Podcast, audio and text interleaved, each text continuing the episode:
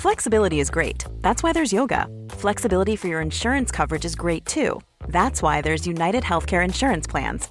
Underwritten by Golden Rule Insurance Company, United Healthcare Insurance Plans offer flexible, budget friendly coverage for medical, vision, dental, and more.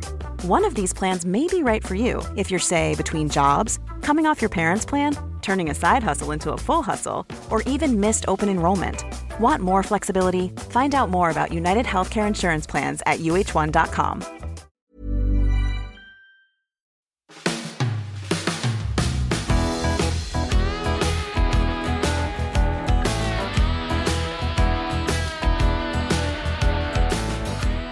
Hej och välkommen till Udda Jämt. En podd om vårt liv som är, precis som det låter, udda jämt. Det är lite olika tillfällen bara som avgör vem av oss som står för det namnet. Den här podden drivs av mig, Annika 50 år, som både kan vara klok och vimsig, och min son Lukas 21 år som har ADD och Asperger. Här delar vi med oss av vårt liv med diagnoser, allt från Lukas tuffa uppväxt och min roll som stöttande mamma, till vår vardag som ibland kan innehålla roliga och genanta situationer som utmanar våra roller. Idag har jag med mig Lukas igen.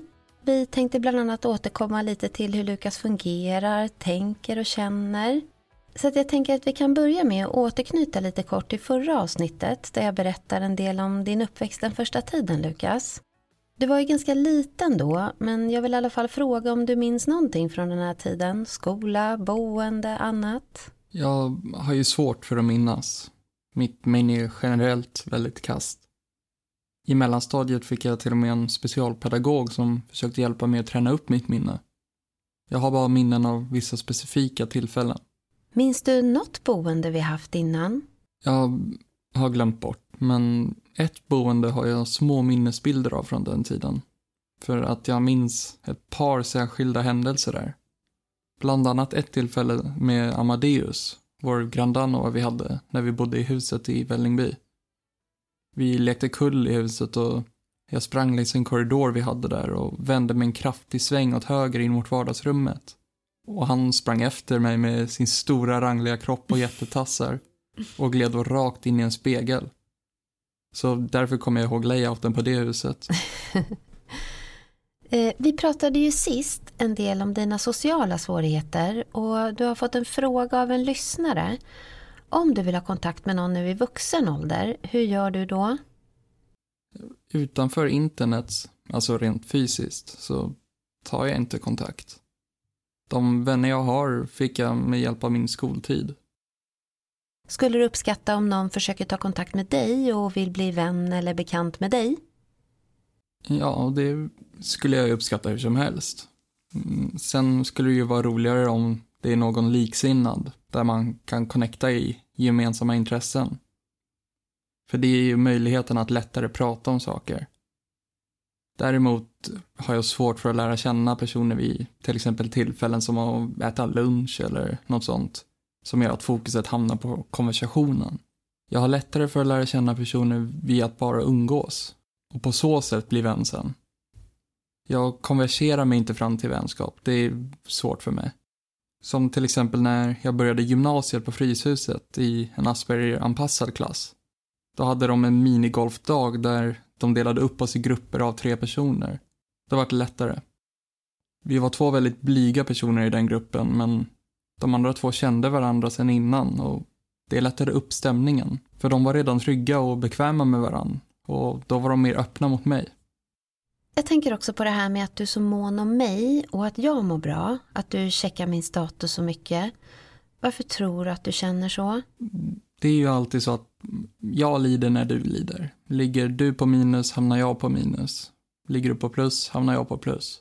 Du har ju ofta otur och problemen har en förmåga att leta rätt på dig, stora som små, som du måste lösa.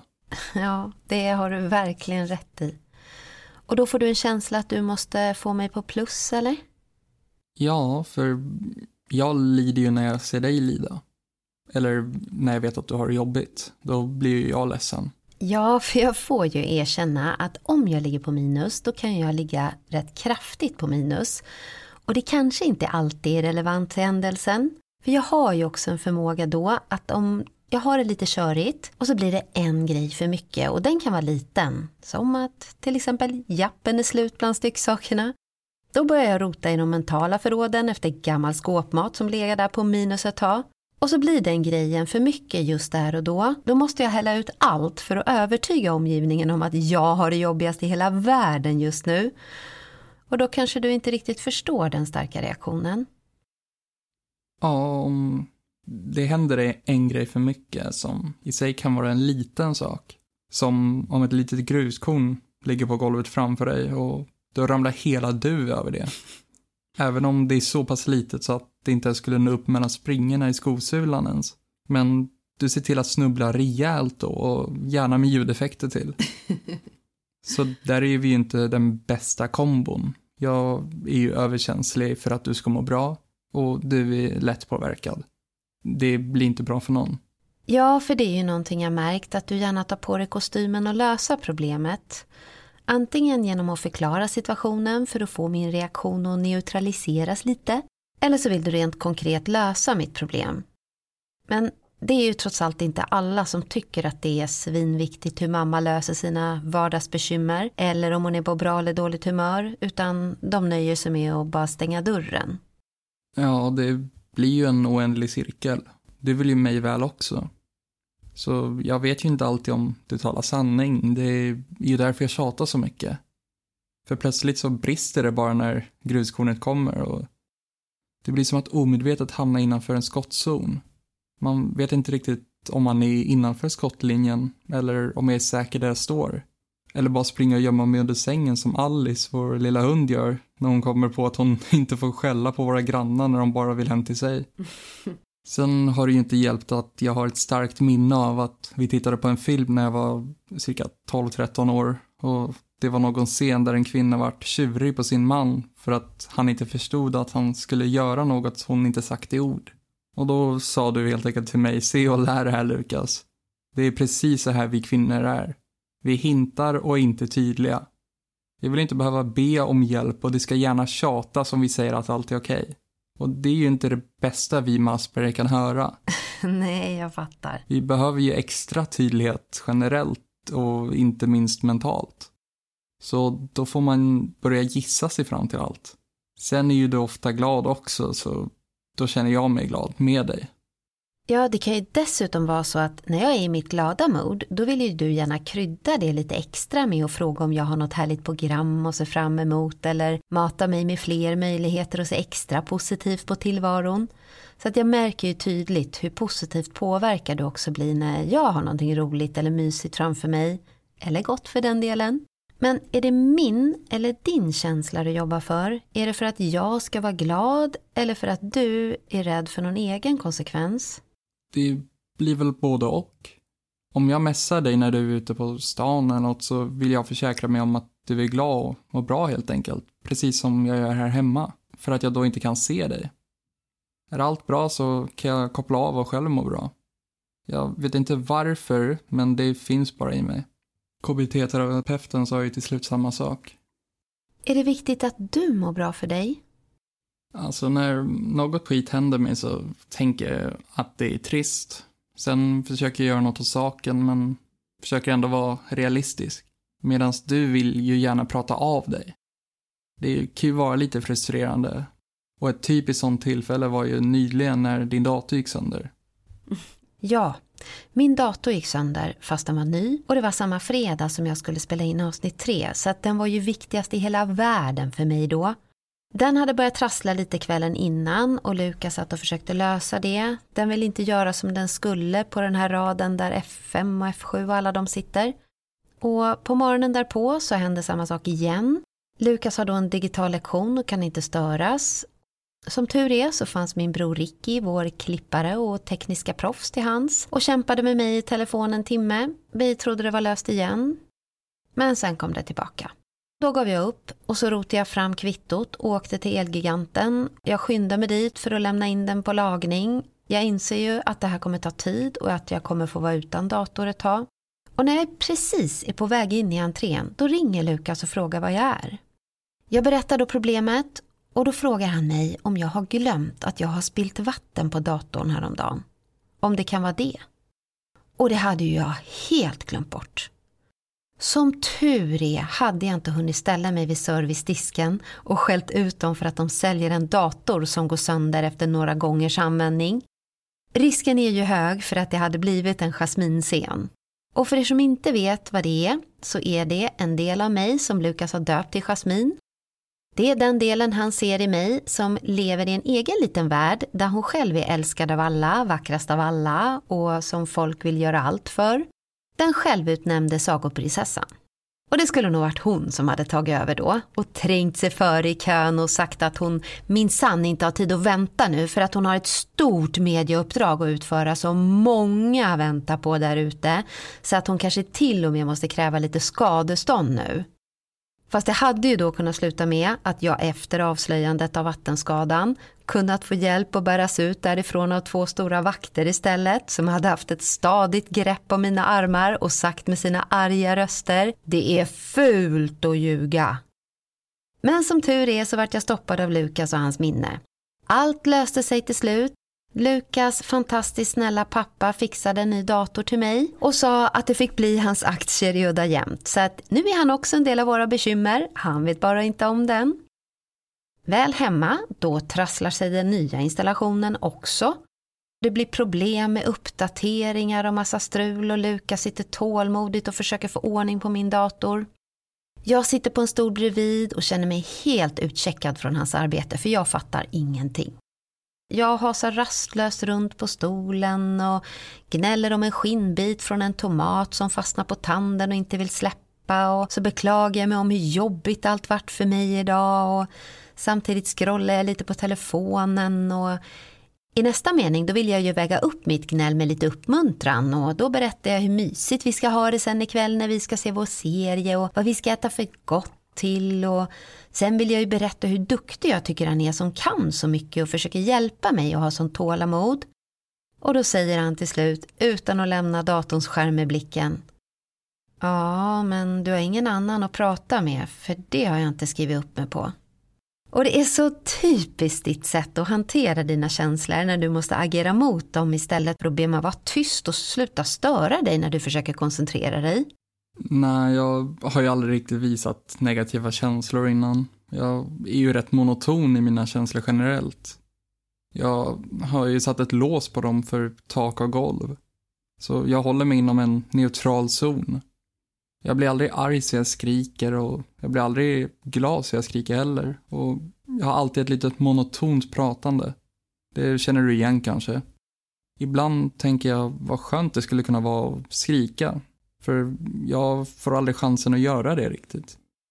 Jag vet inte ens hur jag gör det. Att både mitt sätt att vara, känna och prata är ganska neutralt. Mm. Nu kan ju vi bara tala för vår erfarenhet, men den har ju visat att livet blir mycket tuffare än för många andra när man har diagnos. För vår del så har vi fått det bekräftat att det är tufft att vara normalbegåvad och ha de här olika svårigheterna. För du anses vara så pass funktionell i livet så att kraven som ställs på dig, det är precis detsamma som för personer utan diagnos. Du har samma försörjningsplikt och du förväntas arbeta eller studera för att skapa din egen försörjning och lösa boendesituation och alla eventuella kontakter med myndigheter till exempel på vägen dit. Läkarbesök och behov av mediciner och allt annat som ska kommas ihåg och skötas. Sånt som man kanske inte klarar med diagnoser som till exempel ADD, ADHD eller olika autistiska tillstånd.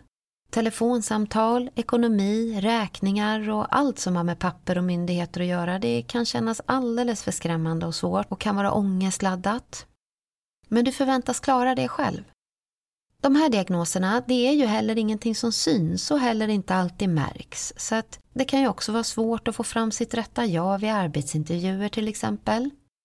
Enkelt uttryckt, det kan vara så att inget märks eller syns om man inte känner personen väl och det kan ju vara svårare att etablera ett tryggt och självständigt vuxenliv och ibland omöjligt utan hjälp. Vi kan bara berätta om ett tillfälle där Lukas hade sin första egna kontakt med myndighet för att han hade fyllt 18 och förväntas då tala för sig själv. Efter att ha varit arbetslös en tid efter studenten så kontaktade han Arbetsförmedlingen vi hade sökt jobb en tid tillsammans men kände att det nog var bäst att få lite mer professionell hjälp för min styrka är inte CV och personliga brev. Lukas registrerade sig och sina uppgifter på deras hemsida och sen skulle han bli kontaktad av en handläggare, vilket han blev. Under det samtalet så kom de fram till att han skulle få en coach och ingå i ett tre månaders program där han skulle få ersättning på ja, ungefär 3000 i månaden. Lukas blev då informerad om att han skulle bli kontaktad av den här coachen, vilket skedde veckan efter. Ja, coachen ringer ju upp mig då en vecka senare på en bestämd tid. Han förklarar vad programmet skulle innehålla och erbjuda och vem han skulle vara för mig. Han var en ung, lite laid back kille. Lite enkel person som inte riktigt kändes som en myndighetsperson utan mer som en ung, schysst snubbe som pratade lite mitt språk. Som till exempel när han beskrev våra roller så sa han, jag är bara här för att vägleda dig. Men i slutändan så är det ju du som bestämmer. Det, det är du som är kungen. Jag berättade vid det tillfället att jag har diagnos, men samtalet fördjupade sig inte riktigt i det. Vi hade kontakt en gång i veckan och gick igenom mitt personliga brev, CV och vi sökte jobb tillsammans. Vi fick inte napp och efter ett tag så föreslog han att vi både skulle söka utbildningar via restplatser till mig inom programmering och att han skulle ta över jobbsökningarna och själv skicka in lite när han såg något som passade. Han frågade mig då vad jag kunde tänka mig. Jag svarade då att jag var öppen för precis vilket jobb som helst. Så han bad mig skicka in mitt personliga brev till honom och CV, vilket jag då gjorde. Till slut när jag inte lyckats få något av de sökta jobben så föreslog han att han kunde fixa en praktikplats i tre månader. Han pratade med någon anställd på en ICA-butik i stan som han hade kontakt med för att ordna en intervju för en praktikplats. Jag sa ja även till det och gick på intervjun. Jag fick platsen men var tvungen att vänta två veckor för att försäkringen skulle ordnas. Samma dag får jag ett sms där jag får reda på att jag blivit antagen på en restplats för en tvåårig utbildning inom JavaScript. Jag tackar ja till den platsen och börjar studera. En månad senare får jag ett brev från Arbetsförmedlingen om att jag fått en varning för att jag inte sökt tillräckligt med jobb. Jag hade inte själv alla uppgifter som de krävde, vilka jobb jag sökt och datum för dem, eftersom att coachen hade tagit över den delen. Och jag hade bara följt allt som coachen hade sagt. Jag förstod ingenting så jag ringde ju honom direkt. Han sa, aha, du har fått en slumpmässig kontroll. Det är lugnt, det är bara att be dem ringa mig så ska jag prata med dem. Jag och mamma skrev då en överklagan och förklarade situationen. Svaret blev då att varningen stod kvar för de kontaktade aldrig honom. Och jag hade, enligt dem då, inte angett det som de krävde utav mig. Jag var hela tiden i en tro om att jag hade gjort det Arbetsförmedlingen förväntade sig och det jag kunde eftersom att jag hade sagt ja till allt som coachen erbjudit mig. Och så länge han inte sa att jag inte hade gjort tillräckligt och varit positiva till alla hans förslag och varit närvarande på alla våra möten så kunde jag inte förstå att jag inte gjorde det Arbetsförmedlingen krävde. Det var ju de som gett mig den kontakten. Ja, så Lukas första myndighetskontakt resulterade i en orättvis utgång som gjorde mig ledsen att se som mamma till en kille som vill göra allt rätt och ha så god moral och rätt inställning. Men hans svårigheter gör att han än så länge behöver stöd och vägledning.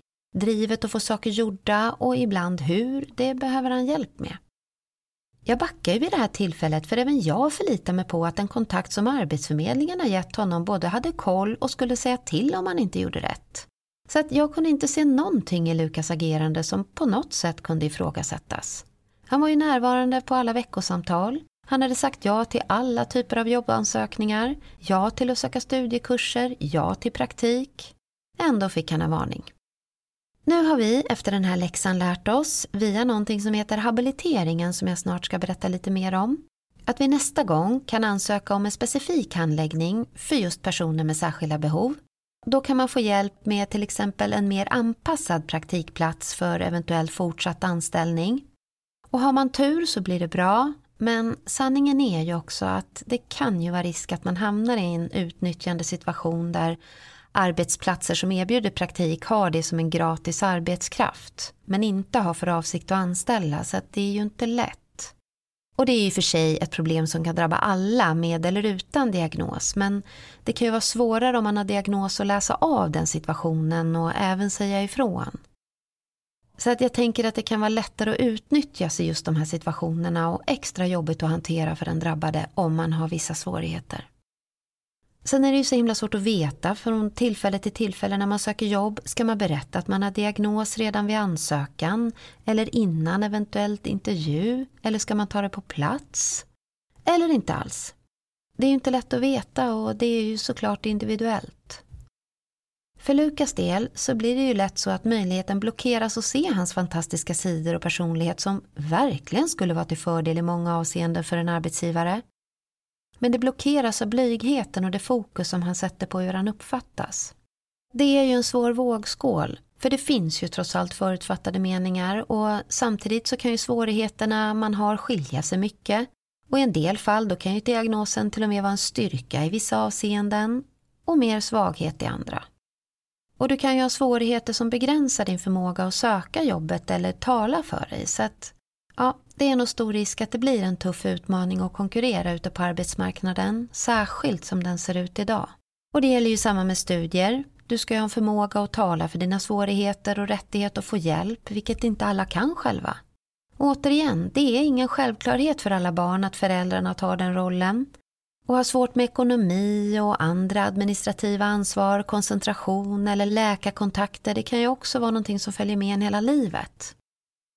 Men för Lukas del så tog jag kontakt med en person som var väldigt duktig inom kommunikation och jobbar som föreläsare inom det.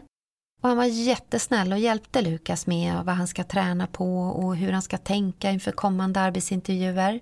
Så det kan ju också vara ett tips att ta till om man vill träna upp vissa svårigheter. Sen finns det också någonting som jag nämnde som heter habilitering. Där kan man få hjälp och stöd inom vissa ramar om man har diagnos. Man kan få hjälp av till exempel en arbetsterapeut och lära sig räkningar, ekonomi och träna på samtal till exempel. Man kan få boendestödjare hemma som kan komma hem och rent konkret hjälpa dig med de här sakerna och även hjälpa till att få andra dagliga sysslor gjorda. Men i vårt fall, då har vi redan fullt hus i vår lilla trasan och bananekoja så att det skulle nog bli mer som olyckan kom in här och ställde till det med mer än vi redan har. Så att, ja, skämt åsido, den möjligheten kan finnas vid behov men för oss är det ingen nödvändig lösning. Men i mitt fall så får ju jag vara en ombesörjande och även försörjande förälder längre än vad samhället generellt räknar med. Och jag tror inte att det är någonting som jag är ensam om. Men jag tänker det här Lukas att du saknar drivet. Kan du känna in varför det är så? Jag vet inte varför jag saknar drivet. Det blir som att du är mitt uttag som ger mig ström. För när jag väl startar upp mig, då kan jag ju få drivet att göra något extra. Om du ber mig att dammsuga rummet så kan jag se till att damma allt också. Och då kan jag också se till att damma onödigt noga. Det är som med gymmet. Jag kommer inte dit själv, men när jag väl är där så ger jag allt. Mm. Ja, det gör du verkligen. Sen är det så att du vill ju allra helst vara hemma. Som du har sagt innan så tycker du att det är jätteroligt att vara med dina kompisar. Du både känner och visar genuin glädje när ni hänger. Men du har alltid allra helst velat att ni hänger hemma hos dig, vilket ni också oftast gjort under alla år. Känslan att du är lugnast hemma och helst vill hänga med vänner där, varför tror du att det är så?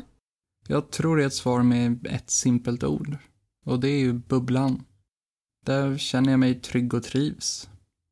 Det är ju ändå ansträngande att vara social som jag berättat om tidigare, hur kul jag än har det.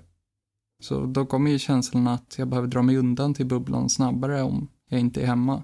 Mm. Mom deserves the best, and there's no better place to shop for Mother's Day than Whole Foods Market. They're your destination for unbeatable savings, from premium gifts to show-stopping flowers and irresistible desserts. Start by saving 33% with Prime on all body care and candles. Then get a 15-stem bunch of tulips for just $9.99 each with Prime. Round out Mom's menu with festive rosé, irresistible berry chantilly cake, and more special treats. Come celebrate Mother's Day at Whole Foods Market. When you're ready to pop the question, the last thing you want to do is second guess the ring. At Bluenile.com, you can design a one of a kind ring with the ease and convenience of shopping online. Choose your diamond and setting. When you find the one, you'll get it delivered right to your door. Go to Bluenile.com and use promo code LISTEN to get $50 off your purchase of $500 or more. That's code LISTEN at Bluenile.com for $50 off your purchase. Bluenile.com code LISTEN. Det här med nyfikenhet och upptäckarintresse, det är ju någonting som du saknat i ditt liv. Kan du försöka beskriva lite bättre för oss hur du tänker och känner kring att upptäcka nya saker, smaker, resa till exempel? Ja, om vi till exempel då kanske sitter och äter godis och jag blir erbjuden att prova något nytt. Då så brukar jag ta tacka nej och håller mig till det jag vet att jag gillar. Just på grund av att jag vet att jag gillar det. Samma med prylar, även om jag har ett stort intresse av tekniska prylar så är jag inte så nyfiken på till exempel då byta telefon och sånt heller. Jag är alltid försiktig med saker och håller mig mest till det jag känner mig hemma med och vet att jag gillar. Lite så här, if it ain't broken don't fix it. Mm. Resa är inte heller så lockande, både för att jag är flyg och båträdd för att jag är inte heller så intresserad av att upptäcka nya saker eller äta på restauranger eller shoppa och bada och sånt som kan vara lockande med att resa. Jag känner ju lite extra motstånd till sånt som andra säkert kan tycka är spännande och roligt. Jag vet ju att jag trivs bäst hemma. Nej, vi har ju inte rest särskilt mycket mer än till en hel del nöjesparker när du var liten. Men då var ju det inom Sverige och Danmark. För det tyckte du var jätteroligt när du var liten. Badland och andra olika tivolin.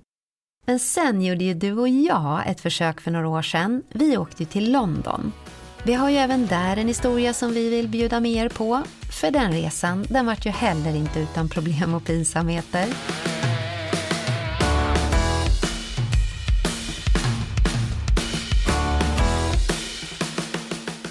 Lukas skulle äntligen resa tillsammans för första gången någonsin och resemålet skulle bli London. Lukas hade tänt sina gränser åt alla håll och kanter med hur länge han kunde tänka sig vara hemifrån. Så det skulle bli en weekend från torsdag till söndag. Vi hade bokat ett fint hotell med recensioner om god frukost och centralt läge. En av de saker vi alltid noga ser till att kontrollera vid varje hotellvistelse i TV, så även här. Jag har ju inte alltid förmåga att ta rollen som vuxen som ni har fått beskrivet vid ett par tillfällen innan. Och i kombo med att jag bara rest ett par gånger tidigare i mitt liv så gjorde det här verkligen att jag kände att jag tog mig med Lukas på okänd mark och inte kunde garantera den trygghet som han både behöver och som många andra kanske vanligtvis kan leverera av sin natur när de ska ge barnen nya upplevelser och visa nya platser. Vi hann inte ens komma på planet innan vi stötte på semesterns första problem. Redan på Arlanda så fastnade vi vid incheckningen när vi skulle få ut etiketter till bagagen. Och sen skulle vi ställa oss i någon kö för att få självbekännande incheck. Redan här har jag stora invändningar som Lukas får ta del av. För hur kan man inte ens få bli bemött av en härlig och trygg och välkomnande person och känna sig omfamnad av när man vinglar in på flygplatsen med både okunskap och flygrädsla som dessutom måste mörkas eftersom man inte ska spegla sina känslor på sitt barn. Det tar evigheter att få ut etiketterna som gör att vi redan där stannar upp kön i 10 minuter. Nåväl, när vi fått våra etiketter så ska vi checka in vårt bagage då kommer problem nummer två. Jag hade noga vägt vårt bagage hemma och landat nära bagagets tillåtna maxvikt. Sen fick jag höfta lite på slutet för att jag skulle prompt ha med mig min våg. Eftersom jag var mitt uppe i en viktnedgång som för mig var helt otänkbar att ge några dagars semester till så var jag tvungen att gissa mig till vikten efter vågen hamnat i väskan. När vi väl står där och ska väga in vårt bagage så visar vikten för mycket. Lukas, som redan är i hög level för stress och svettning, måste då ställa upp som avlastningsyta när jag ska riva upp väskan för att byta ut och flytta om mellan våra handbagage. Han får stå där som i en pinsam filmscen med både kvinnliga underkläder och en våg i famnen blandat med någon hårfön vars sladd hängde och slängde tillsammans med något intrasslat bh-band. Till slut löste det sig, allt checkades in och vi kunde sätta oss och ta en fika och invänta vår tur att gå ombord. När vi väl står där i kön där man ska scannas så kommer det fram en kontrollant och vill göra en slumpmässig extra koll på Lukas. Ja, det är kanske inte så konstigt att de reagerar över att Niagarafallen plötsligt står mitt ibland alla som väntar på säkerhetskontrollen. Lukas säger självklart har de den svettigaste snubben av alla i hela kön. Väl ombord så försöker jag få oss att fokusera på annat än vår panik över att flyga som vi kastar fram och tillbaka som en dynamit mellan varandras knän. Så jag rycker tag i häftet med alla godsaker för att se vad vi ska kväva flygrädslan med. Och när vi ska betala, då tänkte jag betala med kort för att spara våra kontanter som jag växlat tills vi skulle vara där. När jag tittar i häftet efter beloppet så ser jag att priserna står i pund. Jag säger då med en uppriven röst som inte inser att det här borde viskats fram. Men alltså Lukas, jag har inte växlat till pund där. Lukas behöver ta djupa andetag för att ens kunna ge mig en förklaring om hur digital valuta fungerar. Jag kan andas ut, men inte Lukas. Dessutom så toppar jag det här med att spela ut min mat i knät. Jag lyckas alltid försätta mig och honom i situationer som placerar oss i centrum. När vi väl landat så ska vi genomgå mängder av prövningar för både honom och mig. Vi kommer fram till massa spärrar för passkontroll, självklart självbetjäning. Vad är alla människor som ska ta hand om en när man väl behöver dem? Det är cirka 20 spärrar i en rad. Du ska då lägga passet på en skärm så ska en lampa lysa grönt och spärren öppnas för passage. Lukas väljer en spärr, slinker smidigt igenom. Jag däremot får naturligtvis erfara att den här lampan även har en röd färg som blinkar vid för många försök att pressa passet mot skärmen i alla olika vinklar jag kunde komma på. Den här lampan börjar då blinka som den enda röda av alla andra gröna för att säga att du är lite mer dum i huvudet än oss alla andra här så att du får gå till luckan allra längst bort för att få manuell hjälp istället. Vilket jag gjorde och till slut kom igenom och skulle äntligen få sammanstråla med min son som säkert var i full gång att scanna av ifall det fanns en annan familj att sluta upp till istället och hoppas att ingen skulle märka. Men jag hann grabba tag i honom och säga äntligen, lite för högt förmodligen. Och hade jag kunnat läsa hans läppar då, då hade jag förmodligen kunnat se att han viskade tyst för sig själv. Fuck. Nu var vi i en helt ny värld. Annat språk, massa människor och oräkneliga utgångar och möjligheter att fortsätta vårt resmål. Vi skulle då hitta tunnelbanan som skulle ta oss vidare till vårt mål Tower Hill Station. Jag inser att vi just nu lika gärna kunde legat i en gigantisk legolåda och rulla runt för att hitta rätt bit. Och så då fick jag ta över. Och så fort vi fick syn på en serviceman i blå kläder så började mamma peka med hela armen som ett dagisbarn gör. Och som hon alltid gör. Så vi bestämde oss för att be om hjälp och att jag skulle sköta snacket då eftersom att jag är bättre på engelska. Så jag frågade honom och i mitten av hans beskrivning om vart vi ska så avbröts vi av dig som inte kunde låta bli att lägga dig i. Nej, för jag blev då plötsligt slagen av min curlingkänsla och vill ändå backa upp Lukas lite. Så jag sluter upp bredvid honom när jag kommer ikapp och fyller i med min höga glada röst. Hi sir, can you help us please? We want to go to London. Den blå mannen hamnar då snabbt i gapskrattande fickknivställning och piper fram. Sweetie, you are in London, not in Dublin. Så fortsatte han sitt gapskratt, klappade Lukas på axeln för att medkännande säga att han ska lycka till med att ta hand om den här vilsna kvinnan i blont hår. Lukas som går lite längre ifrån mig än han gjorde innan har fullt upp att hantera alla känslor som den här pinsamma stunden gett honom. Och jag kunde se en stor tankebubbla ovanför hans huvud där det stod med versaler Varför är hon inte bara tyst när hon väl kan?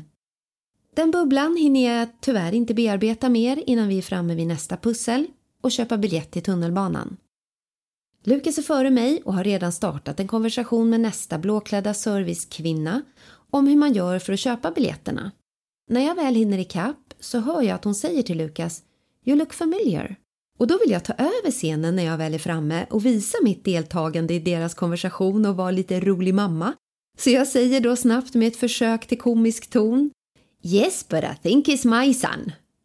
Och för er som är lika dåliga som jag på engelska så betyder ju det att han såg bekant ut men jag trodde att det hade med familjen att göra. Kvinnan tittar lite frågande på mig men med ett artigt leende och Lukas finner ännu en anledning att ångra sin resa med mig. Jag känner nu att han behöver vila upp sig lite både från mig och den stora väskan som han går och drar på. Så jag springer i kapp, tar väskan och säger att jag kan dra den lite nu så han får vila sig lite både från mig och allt annat. Han snor snabbt åt sig erbjudandet och börjar ta stora kliv ifrån mig för att få ett avstånd som gör att han ser ut att resa själv. Om så bara för några sekunder. Då kommer han fram till nästa spärr där biljetten ska fås godkända och komma igenom mot tunnelbanelinjerna. Han smiter igenom lika smidigt som i passkontrollen, men inte jag. Jag fastnar av någon märklig anledning med väskan i spärren och hjulet låser sig, lampan blir grön och spärrarna öppnas.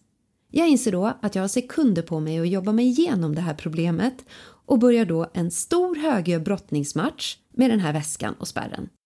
Lukas har tagit chansen att luta sig lite mot en vägg en bit bort för att vila upp sin själ, men reagerar ju på allt oljud. Ja, jag hör ju ett ljud som lät som att vilken sekund som helst skulle jag kunna se en vakt komma gående som är handen på walkie-talkien, redo för att kalla på förstärkning. Då ser jag att det bara är mamma som står och brottas med väskan och spärren. Ja, det var jag och min väska som kämpade mot vårt mål att komma igenom till rätt sida spärren och möjligheten återförenas med Lukas. När vi väl kom till vårt hotell var allt glömt. Ett så lyxigt, fint och stort hotell. Men herregud vad man inte kände igen sig, eller språket de använde. Hur skulle jag kunna klara mig i den här stora främmande världen utan min son en minut? Våra rutiner satte sig snart. På morgnarna så gick vi till ett café och åt samma frukost varje morgon. Och på kvällarna så var det fish and chips på en och samma bar som Lukas fastnade för. På morgnarna fick Lukas sovmorgon och jag ville ut på min lilla powerwalk i den nya stora världen. Jag kände mig som Bernard och Bianca, de där små gulliga mössen som jag följt på film när jag var liten och de hamnade i New York tror jag det var. Men de hade ju i alla fall varann att skylla på. Mina promenader, som jag bestämt skulle innefatta exakt samma runda för att hitta hem, vart sig aldrig lik. Jag hade nog gått där än idag om inte jag hade tagit till min nödlinje och ringt min pappa i Skåne och sagt att jag står bland höga hus, långa gator och många bilar och inte hittar hem till Lukas. Han löste det åt mig varje gång med GPS-hjälp och övertydlighet. Vi skulle även göra några planerade utflykter under vår vistelse Lukas var fantastisk och löste det med sitt i alla fall yttre lugn och noggrannhet. Så med hjälp av telefon och kartor såg han hur vi skulle hitta fram till våra mål, både till fots och tunnelbana.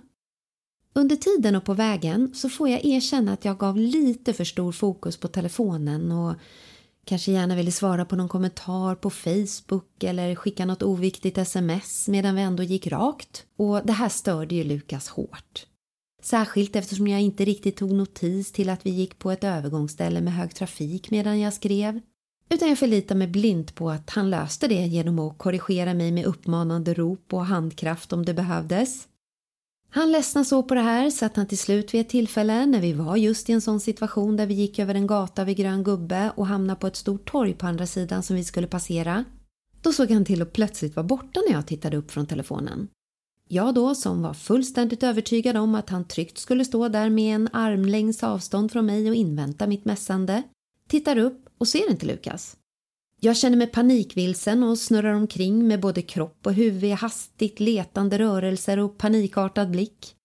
Efter en stund så smyger han fram från att ha stått gömd bakom en korvvagn på ena sidan torget. Gud vet hur fort han lyckas ta sig dit under mitt mässande. Lukas skrattar med en rätt åt dig-ton.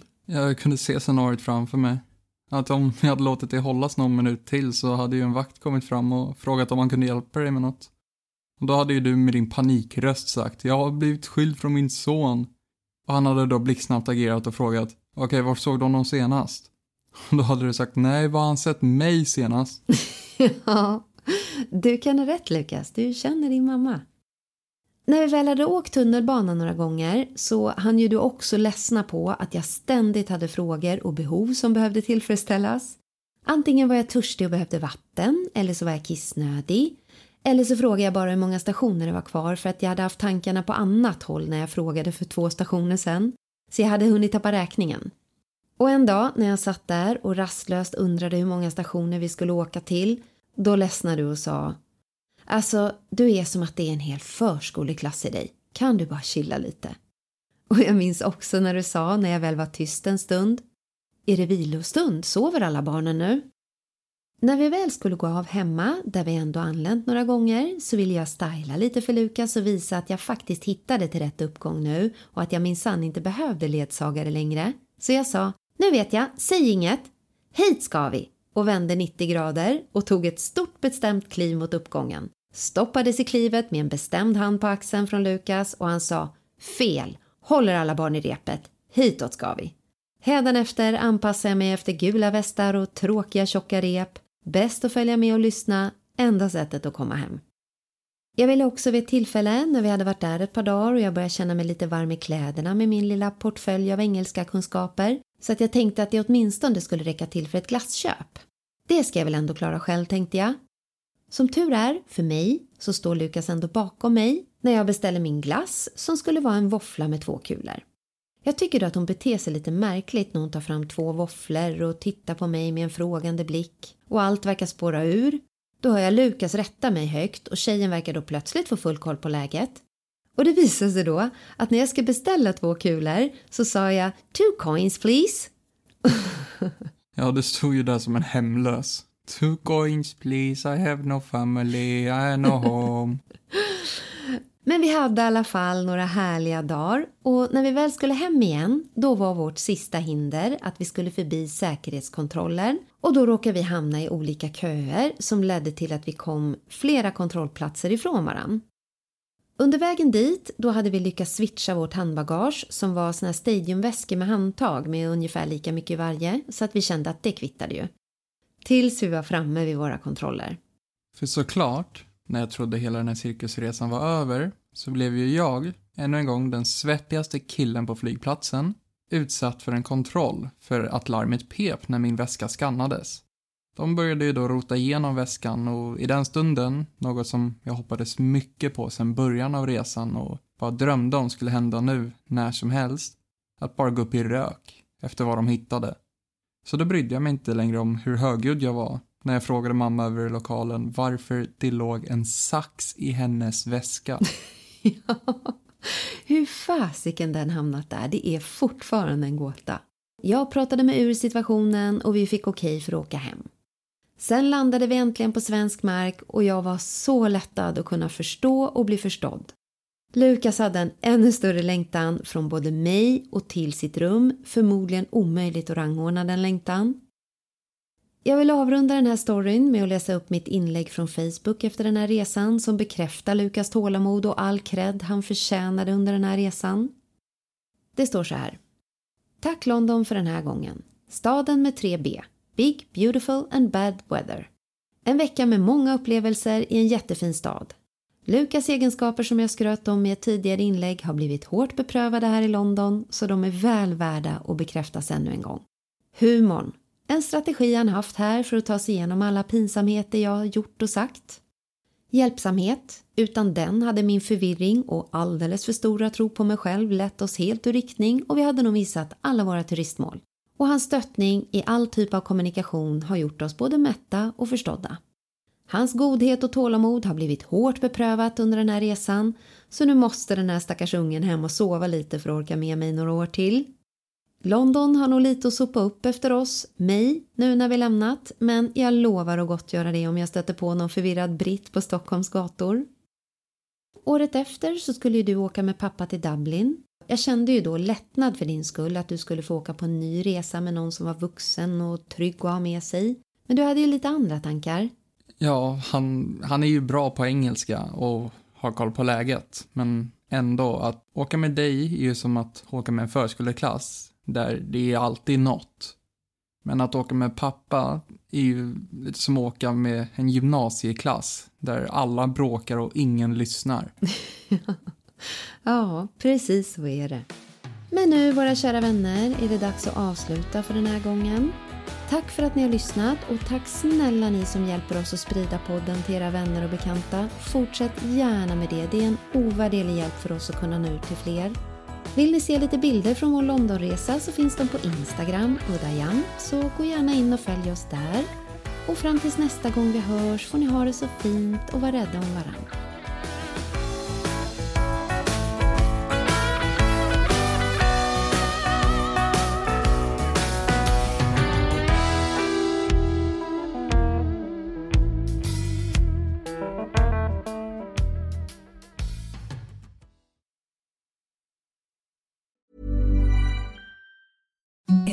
The softest sheets you've ever felt. Now imagine them getting even softer over time. That's what you'll feel with Bowl and Branch's organic cotton sheets. In a recent customer survey, 96% replied that Bowl and Branch sheets get softer with every wash. Start getting your best night's sleep in these sheets that get softer and softer for years to come. Try their sheets with a 30-night guarantee. Plus, get 15% off your first order at bowlandbranch.com. Code BUTTERY. Exclusions apply. See site for details.